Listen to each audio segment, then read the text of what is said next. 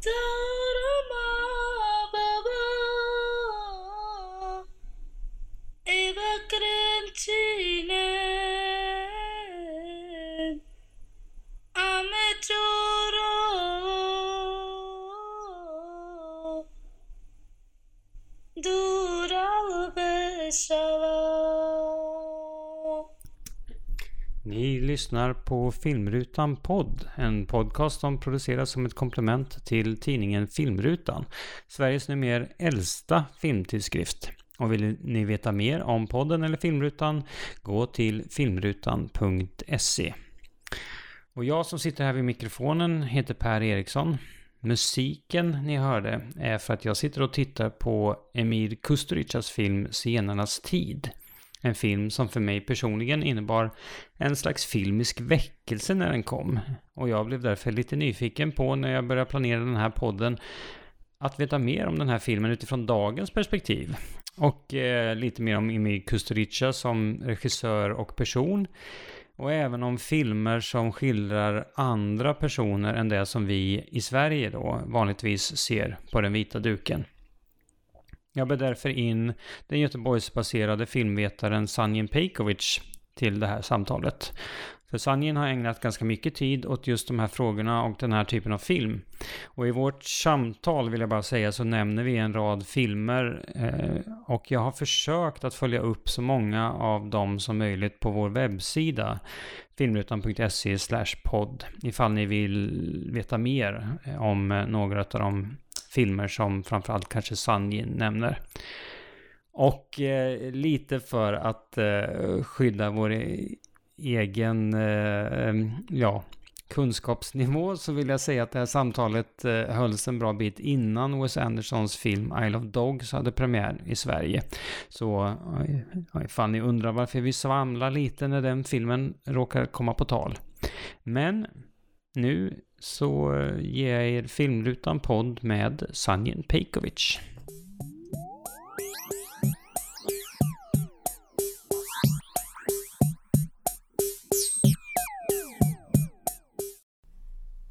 Ja, välkommen Sanjin Pejkovic, filmvetare, filmskribent och numera filmföreläsare också. Du kommer direkt ifrån Östersund eh, hit till det här samtalet.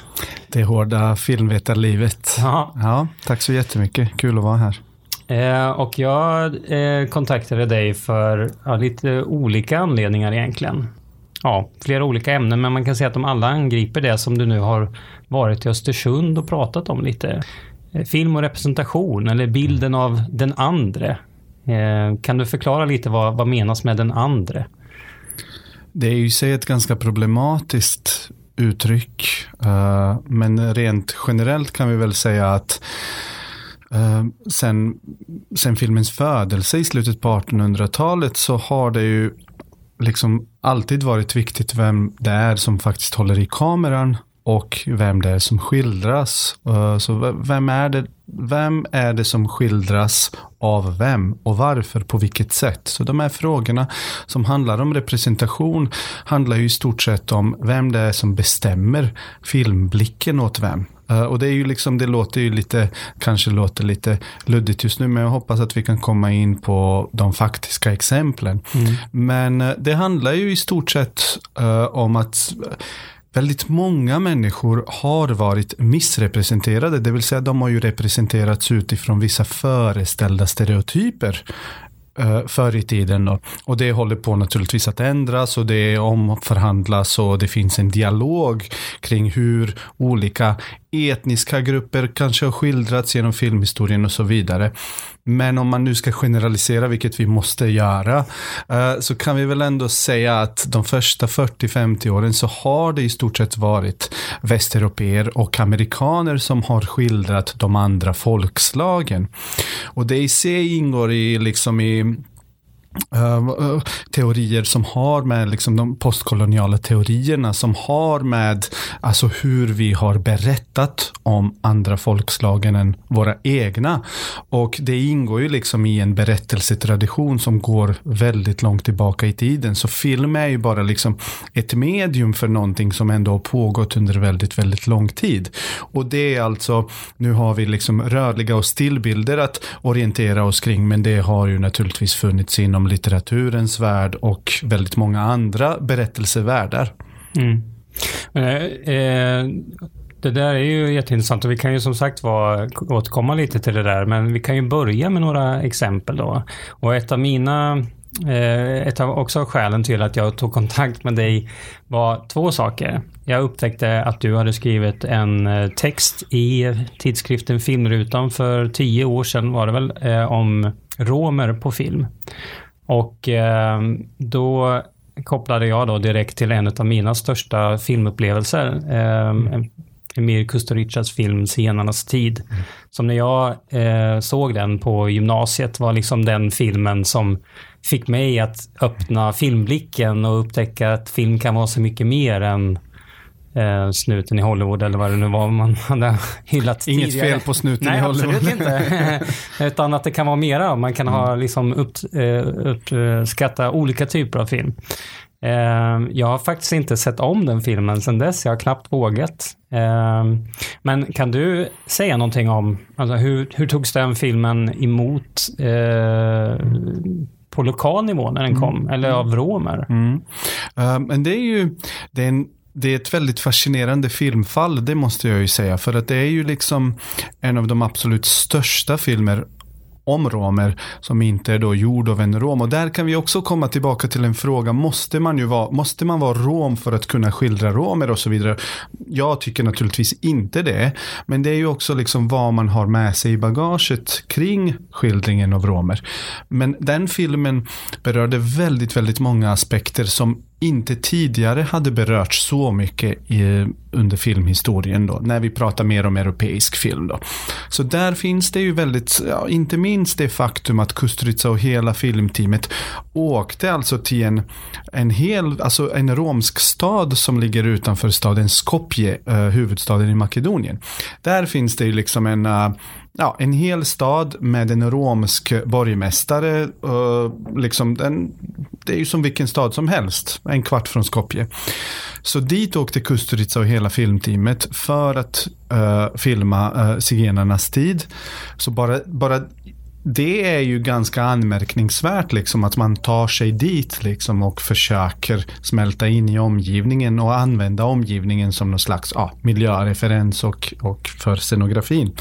Och de flesta av skådespelarna, inte alla, men de flesta är ju amatörer från den staden. Liksom. Den staden heter Shutka och det har faktiskt gjorts en ganska underhållande dokumentärfilm som heter Shutka Book of Records. Mm. Gjord ja, någon gång på 2000-talet, 2002, 2003, 2005 någonting.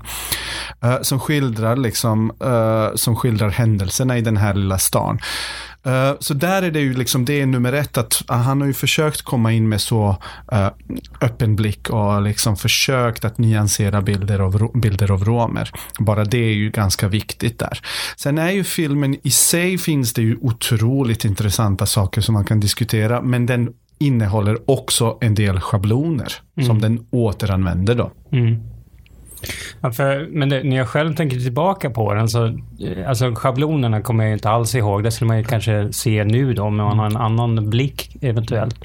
Det, det som man själv tänker på är ju eh, de fantastiska bilderna och den liksom magiska realismen som filmen har. Eh, det var väl ungefär samtidigt som jag började upptäcka upptäckte Gabriel Garcia Marquez och liksom allting kom mm kom samman på något sätt. Mm. Och naturligtvis speglas ju det mot eh, då kanske romsk kultur och mytologi. Mm. Men jag vet inte om jag egentligen tänkte på att det var romer det handlade om. Nej, kanske inte. Och då är ju liksom, då är filmens universella kraft ganska stark där och viktig. Men eh, själva filmen baseras då på en tidningsnotis som Kusturica hade läst på, i mitten på 80-talet. Uh, det anmärkningsvärda lite grann här är ju att det finns en annan känd ex-jugoslavisk regissör som heter Goran Paskaljevic som har då gjort bland annat den Cabaret Balkan och en hel del festivals, uh, festivalsfilm som har visats i Sverige också. Och båda två har gjort filmatiseringar baserade på just den här tidningsnotisen och de kom ju typ ungefär samtidigt. Och där Paskaljevics film är ju mer om någon slags det som man föreställer sig vara liksom en mer dokumentär natur. Att det är liksom social realism, livet är hårt. Man säljer ungar som sen åker iväg till Italien för att tigga. Det är ju liksom väldigt så här, det är som man kan anta är närmare verkligheten, mm. vad det nu är. Uh, medan Kusturica valde en helt annan väg och som du säger använde sig väldigt mycket av magisk realism. Så det, i sig är det ju intressant. Ja, någon potentiell filmvetare som vill skriva en C-uppsats så finns det ju mycket att hämta där.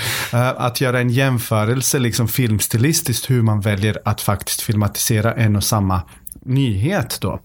Uh, men där är det ju du har helt rätt. Det är ju liksom helt otroliga filmscener och för första gången gör Kusturica också en massfilm. Alltså det är ju, hans tidigare filmer är ju mer av den här uh, uh, Pragskolan, alltså han pluggade i Prag mm. uh, och lärde sig väldigt mycket av forman och hela, hela liksom uh, tjeckoslovakiska nya vågen. Uh, så hans första två filmer när pappa var borta på affärsresa och kommer du ihåg Dolly Bell, de är ju lite mer av det här liksom, ja, socialrealism som lätt komedi och så vidare. Men det här var den första filmen där han verkligen började utnyttja bildens kraft om man nu mm, säger så. Mm.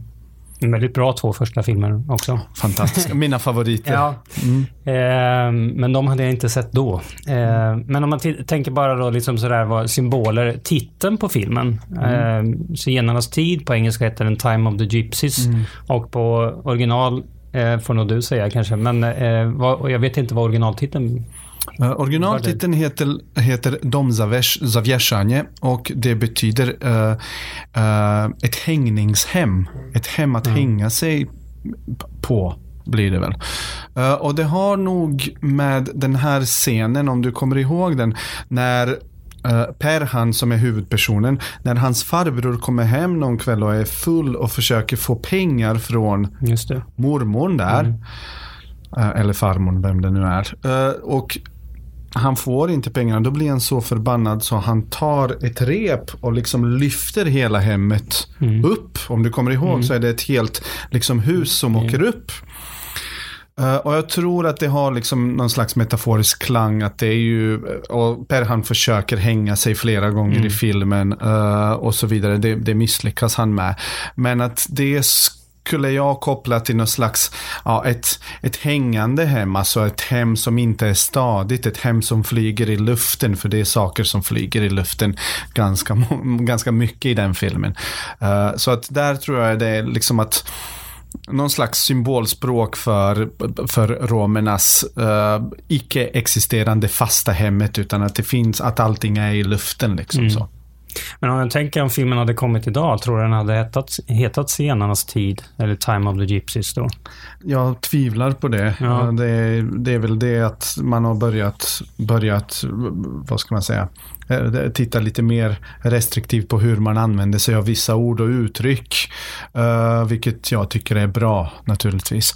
Uh, så men Time of the Gypsies, nu gissar jag ju naturligtvis bara, ja, ja, men det känns ju som att det här är ju någonting, att det är liksom ett mer PR-relaterat, mm. uh, att det är ju lättare att ha så starka ord som man sen kan placera på en internationell filmfestivals marknad mm. snarare än att berätta liksom. För det, ja, den titeln sätter ju direkt liksom fokus på deras identitet. Mm. Medan Dom Zaveshanje, hängningshemmet, blir ju liksom, det kan ju handla om vad som helst liksom. Ja. Eh, vi ska lämna Kusturica, inte fastna där, men eh, bara lite kort. Eh, intressant att höra vad du har att säga om hans karriär efter och eh, sin egen lilla stat och eh, polare med Putin och sådär. Var, mm. ja. ja, ja, jag har ju jag har, jag har följt honom eh, ganska, ganska noga de senaste 15-20 åren och jag har skrivit både mina, mina C och D-uppsatser har ju delvis handlat om Kusturica så från den akademiska perspektiv, det akademiska perspektivet. Sen har jag ju även skrivit väldigt mycket kring honom både på SKB, serbiska, kroatiska, bosniska, men även på svenska och engelska. Akademiskt och journalistiskt om Kusturica som person och hans filmer. Så för den som vill botanisera så finns det en del att läsa som jag har skrivit. Googla Sanin Pekovic Kusturica. Ja, precis. Så kommer det upp ett antal grejer. Ja, hoppas jag i alla fall. Uh, nej, men det där kan man särskilja naturligtvis på verket och personen bakom. Och han har ju sen zigenarnas tid just, alltså sen den perioden 1987 86, 87, 88, där ungefär börjar han faktiskt uttrycka stöd för den serbiske uh, att bli presidenten Slobodan Milosevic. Och där ser man ganska tydligt att han har följt den linjen i 30 år, 30 plus år. Mm. Så att för mig är det överhuvudtaget ingen överraskning det han har gjort sedan dess. Uh, det blir ju bara mer och mer pamflett och mer och mer liksom politiska slagord. Men han har egentligen bara en gång tagit avstånd från Milosevic under 1993 ett av de värsta krigsåren i Bosnien och Kroatien. Där försökte han ta avstånd från den politiken, möttes inte av någon entusiasm eller sympati och bara två veckor senare återgick tillbaka till att hylla honom. Så att han har ju varit väldigt, väldigt rak med det, vem han stöttar mm. i, i den här, i det hela konflikten. Uh, så jag tycker att hans politiska filmer avspeglar ganska tydligt var han står. Det är ju väldigt, väldigt, den här senaste är ju, ja, hilarious. Det är massa får som springer på landminor och sprängs upp i luften mm. och det är ju liksom väldigt, det är väldigt mycket politisk pamflett liksom. Samtidigt så tycker jag ändå om vi ändå pratar om zigenarnas tid så kan vi ju nämna Svart katt, vit katt som i sig kan ses som någon slags fortsättning på den filmen, lite mer humoristisk. Mm. Och den tycker jag funkar också. Den är ju också i sagans värld och uh, uh, lite mer burlesk, lite mer glad. Uh, och också delvis inspelad med samma personer från zigenarnas tid och delvis inspelad i samma miljöer. Lite mer kring Belgrad men också då tillbaka till Makedonien och Sjutka. Mm. Det var en ganska stor framgång i Sverige just Svart katt, vit katt. Mm. Jag tror den tillsammans med Underground måste ha varit hans största, ja. hans största bedrifter. Här. Jag har inte kollat upp några siffror och så, mm. men det, det kändes som mm. att alla pratade svart katt, vit katt när ja. den kom. Ja. Men om vi tittar eh, lite mer då på romer, hur romer har skildrats eh, generellt, som du tar upp lite i den där artikeln. Mm. Så ja, det är väl inte så mycket egentligen. Det, kom ju lite film ifrån eh, Tony Gatliff mm. eh, till exempel. Fransk med romsk bakgrund. Mm. nu, ja, har det hänt någonting sedan dess när du skrev artikeln tio år sedan? Oj, vilken bra fråga. Den var jag inte förberedd på. Jag ser väl, jag försöker se uh, och, och, hitta romska teman så, liksom när jag är på festivaler och så. Det är, inom någon slags mainstreamfilm så tror jag inte att det har hänt. Hoppas verkligen att jag har fel, att jag har glömt bort någon viktig film som handlar om detta. Och det kan ju ha funnits någon, men det blir ju ändå avgränsat till festivalsmarknaden och inget fel på det. Det är bara att de filmerna generellt sett ses inte av så många. Mm. Uh, och det blir ju ofta att det handlar antingen då om ja, burleska musikalfilmer med övernaturliga inslag eller väldigt, väldigt misärinriktade dokumentärfilmer som handlar om den svåra vardagen. Så har det sett ut hittills och det kan ju vara så att det håller på att förändras. Kan du komma på någon som, något exempel som du skulle vilja lyfta fram där man bryter lite mot stereotyperna? Mm. En dokumentär som kom, kom efter att jag hade skrivit texten uh, var ju den magnifika When the Road Bends, heter den. Och det handlar ju, det är ju en musikdokumentär som handlar om en amerikansk turné där uh, romska musiker från, låt mig tänka nu, Spanien, Indien, Rumänien, uh, Makedonien uh, och jag vill tro att det var ett femte land också, men nu är jag lite osäker. Där mm. de liksom träffas för att åka på en gemensam amerikansk turné. Uh, en av de absolut största, Esma Regipova som dog häromåret. året, uh, Queen of Gypsy Music från Makedonien. Uh, hon är ju med i den dokumentären. Så riktigt stora romska musiknamn för den som, som är intresserad av det. Och det intressanta med filmen är ju att den bryter mot så många fördomar. För att de här människorna, de är ju romska musiker men de har inte alls mycket gemensamt med varandra. Så spanjorerna spelar ju flamenco-musik och liksom eh, rumänska romer spelar den här brassbaserad, mm. liksom det man förknippar med Balkanmusik. folk från Indien, de spelar ju liksom någon slags traditionell indisk musik, så som jag tror och uppfattar. Så att det blir ju väldigt mycket kulturkrockar inom den egna gruppen, någonting som man tror är liksom, ja, ah, det här är, alla är romer, alla är väl likadana. Liksom. uh, och där blir det, där uppenbarar sig så små nyansskillnader dem emellan. Och där har vi väl just eh, en problematiken då när man pratar om just det här att ja, eh, det är klart att inte alla romer är som varandra. Precis. Eh, men det tänker man ju inte på. Det är ju liksom lite av den här problematiken att det görs så få filmer om romer och många andra minoriteter. Så när det väl görs filmer så tar man till visuella och andra stereotyper för att lättare kunna liksom både sälja men också berätta mm. den berättelsen. Och det är ju, jag tror inte att man gör det för att man tror eller tänker på att man är fördomsfull mot någon eller vill vara det. Men att det i slutändan ändå blir lite grann av det trots de bästa avsikterna. Och där har vi väl det här med representation då, vad det betyder. Mm. Eh, när man inte blir representerad tillräckligt ofta, då blir varje bild. Som väldigt mycket viktigare. Visst. Och, men där, där är det också liksom, om jag tänker liksom ett svenskt fall som den första zigenaren i rymden som jag tycker är fascinerande och intressant och bra på så många sätt. Men även, det, det sipprar ju igenom små saker att han kommunicerar, han har liksom övernaturliga förmågor. Han mm. kommunicerar med djur, han är nära naturen. Och sen kommer det briljanta inslag där den här killen som jag nu tyvärr glömt namnet på, letar efter egen identitet. De åker ner till Balkan för att se vad, vad, vilket land är det vi kommer ifrån och så vidare. Så finns jättemycket intressant och viktigt att berätta. Samtidigt som man ändå försöker återanvända vissa saker som har funnits i 120 år nu. Mm. Och det här med övernaturlighet är ju någonting som har verkligen förekommit i väldigt, väldigt många romska skildringar. Uh, där det är liksom spådamer av olika mm. slag. Uh, ja, levitation, att man, att man kan läsa tankar och sådär. Uh, så antingen kan man det i filmerna eller så använder man det som någon slags eh, alibi för att lura folk. Det finns en briljant scen i en amerikansk stumfilm från 20-talet där några gummor kommer då till den här vita familjen någonstans i USA. Medan de låtsas läsa deras, uh, uh, vad heter det? Ja, handflata. Handflata, ja.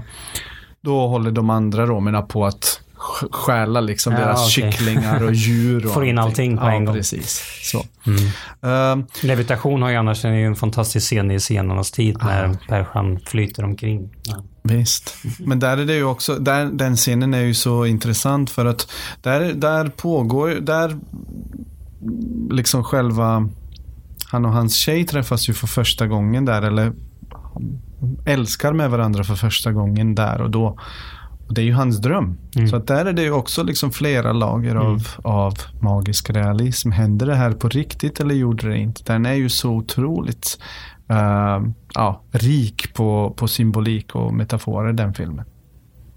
Men hela den här eh, problematiken, det känns som att när du skrev det var det kanske inte så mycket debatt om det. Om vi nu också vidgar eh, perspektivet från att inte bara gälla hur romer representeras utan alla olika eh, bakgrunder och så. Eh, mm. Har du känt att det har varit en, en sån utveckling att när det att det inte var lika mycket diskussion om det och att det är mer nu. Ja, både och. Det, jag skulle nog tro att det har funnits väldigt, det är ju liksom, det beror lite grann på vilken grupp vi pratar om. När det kommer till forskning om svarta på film i amerikansk kontext, då har det funnits tonvis med forskning. Det har verkligen skrivits otroligt mycket sedan 60-talet om man säger så. Ur ett svenskt perspektiv då? Nej, inte, inte lika mycket naturligtvis. Uh, och där finns det ju ett antal studier som jag tänker ändå värda att lyftas fram. Tommy Gustafsson, filmvetare vid uh, Linnéuniversitetet, har ju skrivit en väldigt, väldigt intressant bok om hur man skildrat minoriteter inom svensk stumfilm på 80-talet främst då.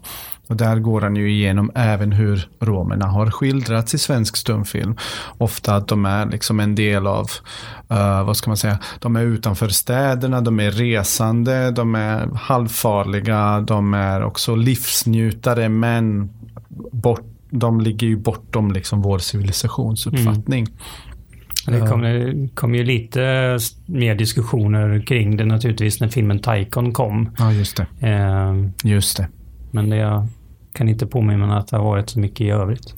Nej, nej men det, det uppkommer väl uh, diskussionen som rör vid de här kontexterna jag tänker mig liksom när Ruben Östlund gjorde sin play, mm. när, eh, när man har de här uh, Stina Wirsén-debatten. Att det är ju liksom, det nuddar ju också vid frågor om romer och andra minoriteter. Men att där är ju mekanismerna, mekanismerna ganska lika i hur man har skildrat de andra. Sen finns det naturligtvis nyanser inom den egna. Mm diskursen. Kopplar det till det du har pratat om i Östersund nu då? Ja. Vad, vad, är det du... Eh, du har varit och föreläst på en eh, filmpedagogisk dag. Alltså det, publiken var, antar jag då, framförallt lärare. Eh, och vad är det du pratar om då? Mm, och elever, vilket var glädjande. Uh, det var ju, uh, jag förs mm, försöker finnas där som någon slags bollplank för att kunna tipsa om saker man kan göra i klassrummet. Alltså hur man kan jobba med film och rörliga bilder och diskutera de här tunga grejerna. För att det här är också väldigt, väldigt känsligt. Alltså hur ska man diskutera de här frågorna som kan man bara visa en film. Alltså det, man måste ju kunna ha verktyg för att kunna både analysera rörliga bilder och prata om dem, sätta dem i en tidskontext. Så där har jag försökt att liksom på något sätt nyttja nyttja de diskussionerna som kommer upp idag. Och då har jag bland annat visat Jay-Z's, eh, sen, äh, inte senaste, men en av de senaste videos han har gjort som handlar om, inte minst om O.J. Simpson. Alltså, där jag kunnat visa på att Jay-Z återanvänder gamla tecknade stereotyper och sätter dem i en helt ny kontext. Och det är ju ganska spännande. Då kan man ju liksom få både den här populärkulturella inramningen, alla vet, eller alla elever vet vem Jay-Z är. Fortfarande? Det får vi hoppas på. Han är väl hyfsat aktuell. Om inte som Beyoncés make då kanske. Men uh, där man liksom lyfter det gamla och försöker sätta det i någon ny kontext. Och sen har jag då även pratat om en hyfsat, eller väldigt, väldigt aktuell film för Sverige 2018. Det är ju Gabriella Pichlers Amatörer som jag tycker också eh, vänder upp och ner på vissa föreställningar och ställer några frågor på ett ganska, vad jag tycker intressant sätt där hon inte skriver liksom vissa svar på näsan utan bara ställer frågorna och går vidare. Och det tror jag kan också vara ett sätt att arbeta med filmer och rörliga bilder, att vi inte, vi kommer inte komma fram till några svar. Men då är det kanske ännu viktigare att vi ställer så många frågor som möjligt. Mm. Det handlar om att eh, de brukar kalla det receptionsdiskussion. Att eh, bearbeta det vi har sett och gärna göra det tillsammans. Ja, och det är ju också spännande för att förr i tiden, eh, om man nu går tillbaka till filmvetenskapliga studier, så har man ju ofta utgått från vad man tror kommer vara publikens respons. Eh, men receptionsstudier har både från medievetenskapligt men också filmvetenskapligt perspektiv visat att det finns så många olika publiker också. Bara att jag reagerar på någonting väldigt så, dramatiskt så behöver det inte betyda att du kommer göra det. Det kan ju ha med så många olika saker som har med våra liv att göra. Vilka klasser vi tillhör, sexuella identiteter, vad som helst. Uh, naturligtvis någon slags etnisk, uh, etnisk gruppering också. Men så att det, det, det är väldigt många parametrar som avgör för hur man kommer reagera när man tittar på vissa bilder. Mm. Och uh, det nyanserar ju hela bilden ytterligare. Kan jag tycka. Mm. Om vi tar, tittar på eh, Amatörer och Gabriella Pichles nya film. Då Själva premissen för filmen kan man säga, det som driver den framåt är att det är två eh, unga tjejer som eh, håller på att filmar sitt eh, samhälle. Eh, de har fått en kamera eller de filmar med sin egen mobiltelefon. Eh, för att kommunen vill ha en film som ska fånga eh, lokalandan så att säga. Ehm, de två tjejerna har ju eh, invandrarbakgrund fast av ganska olika slag. Eh, intressant. Eh, där den ena bor hos en fostermamma som också har invandrarbakgrund. Eh, som kämpar lite mera eh, att liksom klara att ställa fram maten på bordet. Eh, den andra flickan har mera välutbildade föräldrar som också känns som att de har flyttat av mer politiska skäl och har en helt annan inställning till vad dottern mm. håller på med. Um, det tycker jag är en ganska intressant bild när de två ställs mot varandra.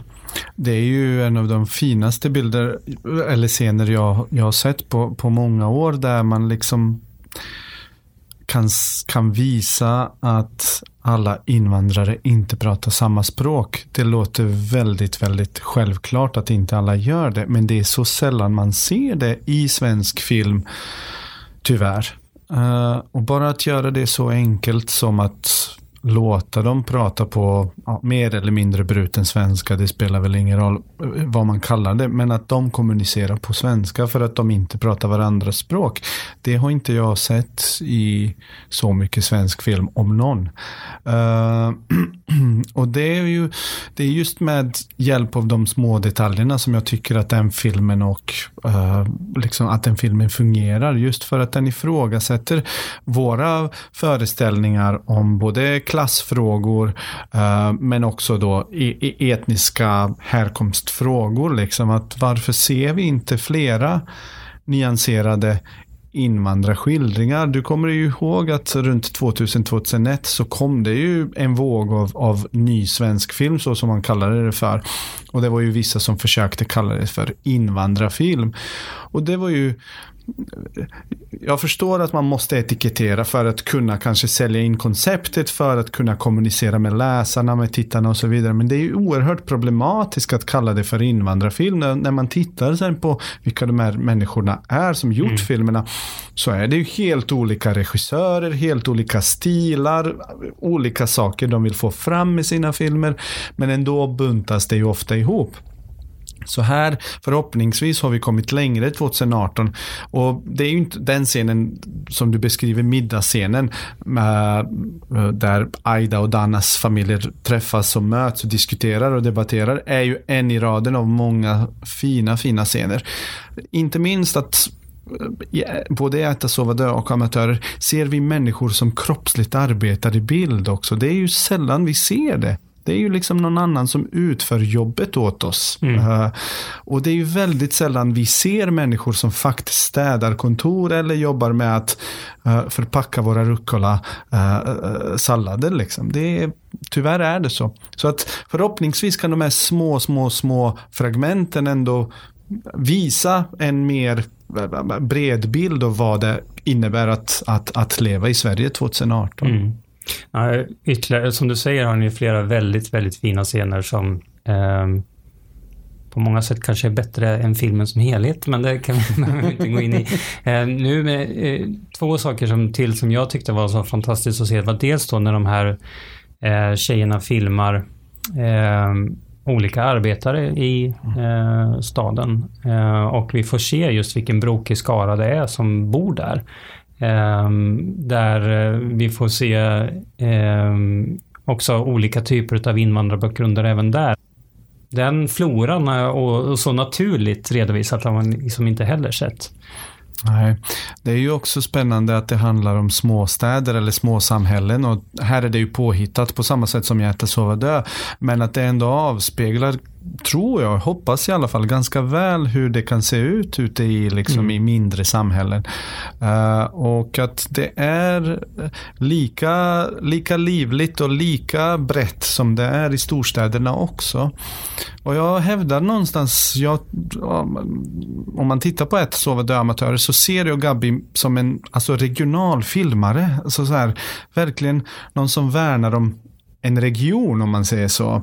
Eh, där man inte utgår ifrån det, ja, nu ska hon representera svensk film, utan att det är ofta små, små samhällen och där kommer människorna överens. Det är ju naturligtvis en minibild av samhället, men där man är väldigt, väldigt mån om ja, den egna miljön, den lilla staden. Det finns en fantastisk scen i Äta, sova, dö där det kommer några göteborgare till det här skånska, eh, liksom hålan, mm. vad det nu är. Uh, och där blir det ju liksom konflikt direkt. Så där man väntar sig kanske att, ja men alla är ju svenskar, de kommer överens. Nej, det gör de ju inte, för Göteborg är för dem lika främmande som liksom att ja, åka till Marocko. Ja. Uh, så att det är ju ganska spännande och även här att det är den här lilla Lafors, att det blir på något sätt en, ja, sinnebilden för multikulturell och ja, fin, ett fint samhälle liksom. En mm. fin bild av ett, sam av ett litet samhälle. Sen, jag måste också den sista scenen som ju var väldigt gripande med Musse. Han har, han, han har flera väldigt bra scener. Huvud, mm. En av huvudkaraktärerna där. Mm. Eh, den kommunala tjänstemannen Musse. Eh, mm. Men en är ju när han eh, Hans mamma har tappat språket eller mm. svenskan och mm. kan bara prata eh, sitt eh, modersmål så att säga. Som jag vet inte, verkar vara från Bangladesh eller någonting mm, kanske. Har pratat tamil? Ja. ja. Eh, och eh, han kan ju han har aldrig lärt sig det mm. språket. Mm. Eh, och nu sitter han och eh, youtubar mm. mm. Eh, någon slags mm. språkkurs för att kunna prata med mamma. Ja, där är det, det är så gripande så att jag får gåshud bara jag tänker på den scenen. Men den är ju, och den är ju så verklig också någonstans. Att det finns någon slags, alltså hur man Själva den här vikten av kommunikation. Nu kommer jag ju säga bara massa klyschor, men det är ju så. Ja, ja, jag tänker också på eh, min lilla son också någonstans. Att jag får ju den, det är, den, det är en verklig rädsla att vi inte, tänk om vi inte kommer kunna prata med varandra om 40-50 år. Liksom. Det är ju det är en skrämmande tanke. Liksom. Uh, har du tagit några steg för att motverka det? jag har försökt lära honom bostniska men han, mot, han, han orkar inte. Det, så att vi tar den lätta vägen. Vi får väl se.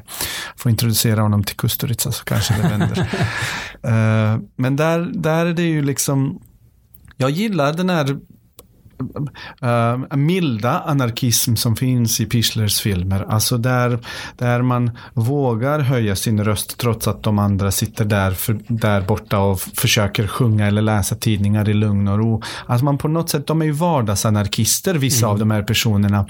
Och jag gillar det här att det finns utrymme för att vara lite, lite galen eller lite utanför ramar. Liksom. Uh, för ja, varje film är ju sin egen kontext. Liksom. Kom, vill, kräver vi av de här karaktärerna att göra någonting helt utanför ramarna, då kanske man är, tänker sig lite mer i politiska, ideologiska termer. Men de här människorna är inte intresserade av det, utan de bara liksom, de vill ju vara sig själva i den vardagen som finns där och då liksom för dem. Nu har vi pratat mycket om amatörer. Ja, det blev det. Ja. Men den, den innehåller ju flera av de exempel, liksom mm. exempel på det vi pratar om. Men mm. det som du var inne på nu då, att eh, eh, varje film är sin egen. Mm. Det är ju någonting som man kanske då återkommer till ofta i eh, debatter om representation. Alltså hur viktig är varje enskild, eh, enskilt verk i förhållande till helheten? Mm. Där är det ju det är en jättebra fråga och där är det ju så svårt att bedöma det för att man kan ju naturligtvis, alltså en film är så mycket större än summan av de stereotyper som förekommer där. Uh, och det vet vi ju. Det är ju liksom väldigt få filmer som är öppet rasistiska i nästan varje scen. Det är liksom Birth of, of a Nation av, av David Wark Griffith. Uh, eller någon liksom nazifilm uh, som gjordes i slutet på 30, början på 40-tal. Det eviga judet tänker jag. Liksom mm. så. Uh, Fritz Hiplers propagandadokumentär. Men det är ju väldigt få filmer som ser ut på det viset, utan de flesta filmer är ju mer komplexa i sin struktur, i sin form, i sitt narrativ och så vidare. Uh, och där är det ju liksom, man får ju vara man får ju tillåta de filmerna att vara mer komplexa än bara stereotyper. Samtidigt som man inte kan blunda för att om man tar summan av väldigt, väldigt många filmer om romer så kommer man se vissa strukturella mönster som återkommer. Och det är väl det som är det problematiska. Att det är liksom flera saker som återkommer i varenda av de här filmerna som kan vara musikalkomedier, tecknade filmer, skräckfilmer eller vad som helst. Alltså de tillhör olika kontexter men ändå har de vissa gemenskap, gemensamma schabloniska drag. Liksom. Och det, där handlar det ju också om vad man då själv har för erfarenheter, hur man upp, upplever det. Ett exempel som jag själv har tänkt mycket på. Då. Jag, jag var en av dem som tyckte att Lost in translation var väldigt bra när mm. den kom. Mm. Det var ju en film som eh, blev, redan när den kom, ganska mm. hårt ansatt mm. för hur den skildrade mm. japaner. Mm. Eh, och jag kan ju absolut se de sakerna. Men när jag såg den så upplevde jag det mer som en förstärkning utav eh, själva huvudtemat på filmen. Att mm. eh, det finns en scen där Bill Murray står i en hiss och han är huvudet högre än alla andra eh, eh, personer som då är japaner. Mm. Eh, det är också en scen där eh, att de pratar liksom dålig engelska och inte kan göra sig mm. förstådd. Eh, men när allting går ut på att han känner sig isolerad och mm. alienerad i, i, från hela samhället så fungerar så tycker jag att de scenerna snarare fungerar som en förstärkning utav hans mm. Mm. situation än att jag då tänkte på dem som rasistiska. Jag har också valt att se den filmen genom hans, liksom, att se den genom hans blick. Och då blir det ju liksom det mest främmande av det mest främmande för att han känner sig alienerad från, mm. från världen som du säger. Uh, så där är det ju, där har jag också försökt tolka det som att det handlar egentligen om, om hans syn på Japan och inte om hur Japan är, om man säger så. Mm. Uh, men man ska ju, ja, nej, ja, det, det är ju svårt för att varje film har ju också en, alltså den, den ingår i en historisk kontext. Man kan inte blunda för att japaner har skildrats väldigt, väldigt stereotypt i amerikansk film. Mm. Uh, och nu är det dags igen med Wes Andersons nya alltså, film. Han, ja. Ja, jag, jag, nu blir det då att prata om någon film som ingen av oss har sett då, tydligen. Men Isle of Dogs har ju åtminstone blivit hårt åtsatt för att den eh, också då upplevs som mm. rasistisk mm. med att japanerna eh, ska vara elaka och mm. Eh, mm. ja, så. Ja, nu blev det väldigt ja. Eh, kort. Vi, vi inte, har inte gjort någon research på det där, men jag har sett rubriker. Ja. Vi återkommer om ett halvår och så pratar vi om ja. den. Uh, det är ju i sig ganska intressant för den som har tid och lust så kan man ju, jag har ju tittat på ganska mycket tecknad film från 30-40 talet Amerikansk tecknad film, kort tecknad film. Uh, just för att jag under en tid varit intresserad av hur man skildrat svarta amerikaner, afroamerikaner. Uh, men där under 40-talet efter Pearl Harbor så är det ganska intressant att se hur man skildrar japaner i spelfilm och i tecknad film. Och det är ju, det är ju något av det grövsta jag någonsin har sett i likhet med hur man skildrar judar i vissa nazistiska filmer faktiskt. Alltså mm. där, där uh, japaner uh, skildras som råttor, som odjur som man måste döda för att, ja, för att världen ska bli bättre och så vidare. Så uh, där är det ju liksom, det är återigen väldigt svårt det där och det är svårt att läsa Sofia Coppolas tankar. Det är just det som gör filmen helt underbar på ett sätt. Alltså inte bara den filmen utan film överhuvudtaget. Att vi kan ta flera olika perspektiv och att en film faktiskt kan vara oerhört problematisk men också bra ja. att titta på. Mm. Det gör ju liksom inte diskussionen lättare om man säger så. Nej. Um, men kanske ändå viktigare med medvetenheten om vad det är jag ser och vad det är jag tycker om och vad Visst. det är som filmen också skildrar. Visst, och där måste man ju också titta lite grann. Alltså skrivs det här, skrivs det här ut som en förklaring? Japanerna är sådana. Eller är det lite mer att man bara anar någonting? Att man ser det men att man inte riktigt vet om det här är Bill Murrays perspektiv eller om det är filmens perspektiv och så vidare.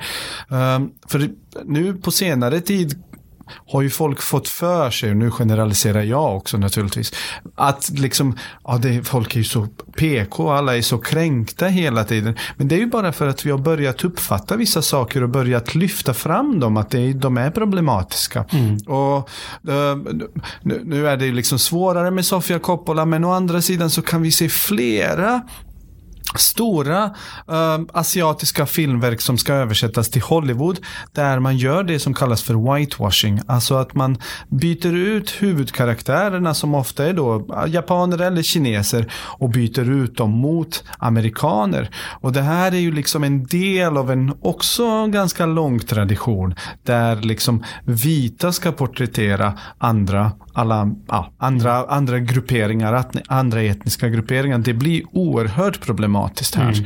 Mm. Uh, för där är det ju också representation av något slag. Och för att gå tillbaka till Gabi Pichler, hon har ju sagt det flera gånger. Hon vill se fler kroppar i svensk film. Jag tyckte det var helt underbart att höra just det ordet kroppar. Alltså, vilka kroppar är det vi ser i svensk, europeisk, amerikansk film? Mm. Vad är det för kroppar?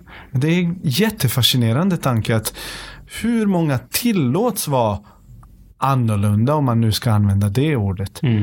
Uh, och där är det ju liksom... Ja, och där är det också verkligen kroppar i alla typer av betydelse. Alltså även form uh, och så. Exakt, exakt. Uh, så där är det ju Uh, väldigt många olika parametrar. Det blir återigen ett luddigt svar. Men om man tittar på de här storfilmerna som kommer med superhjältefilmerna, uh, refilmatiseringar av, av populära, populära japanska kinesiska filmer. Så är det en helt annan, liksom det är en ganska stark debatt om vem får representera liksom, de andra mm. återigen. Liksom, utifrån andra aspekter än vad det tidigare har varit mm. fallet.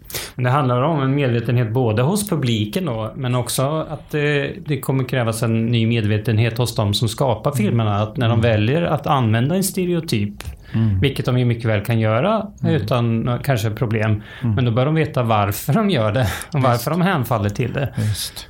Just. Um, jag tänker på, jag menar, det finns ju genrer som helt bygger på stereotyper. Ja. Eh, även som romcoms, mm. eh, även om det då inte har etniska stereotyper. Mm. Mm. Men eh, eh, det går ju att hitta variationer inom dem då, utan de mm. blir snarare en byggsten. Visst. Visst. Och det är ju, å, å andra sidan så, jag minns ju en, en uh kanske ett sidospår här, men jag minns när man, när man diskuterade i, inom amerikanska cultural studies ganska rejält under slu, i slutet på 90-talet, början på 00-talet. Uh, eh, inte romcoms, men sitcoms. Alltså hur ser det ut i amerikanska populär sitcoms? Och det, man tog ju som exempel Vänner, Friends. Där det var väldigt, väldigt många teoretiker som menade att men vad är det här, vi får ju ingen etnisk fördelning liksom. Det är bara fem, sex, hur många de är, vita människor som liksom har sina typiska vita problem under citationstecken och sådär. Sen var det några andra som menade på att men det här är ju logiskt för att det här det här är ju ibland exakt så här det ser ut. Liksom. I mm. de här avgränsade communities så finns det inte jättemycket etnisk blandning. De är väldigt privilegierade, bor på Manhattan.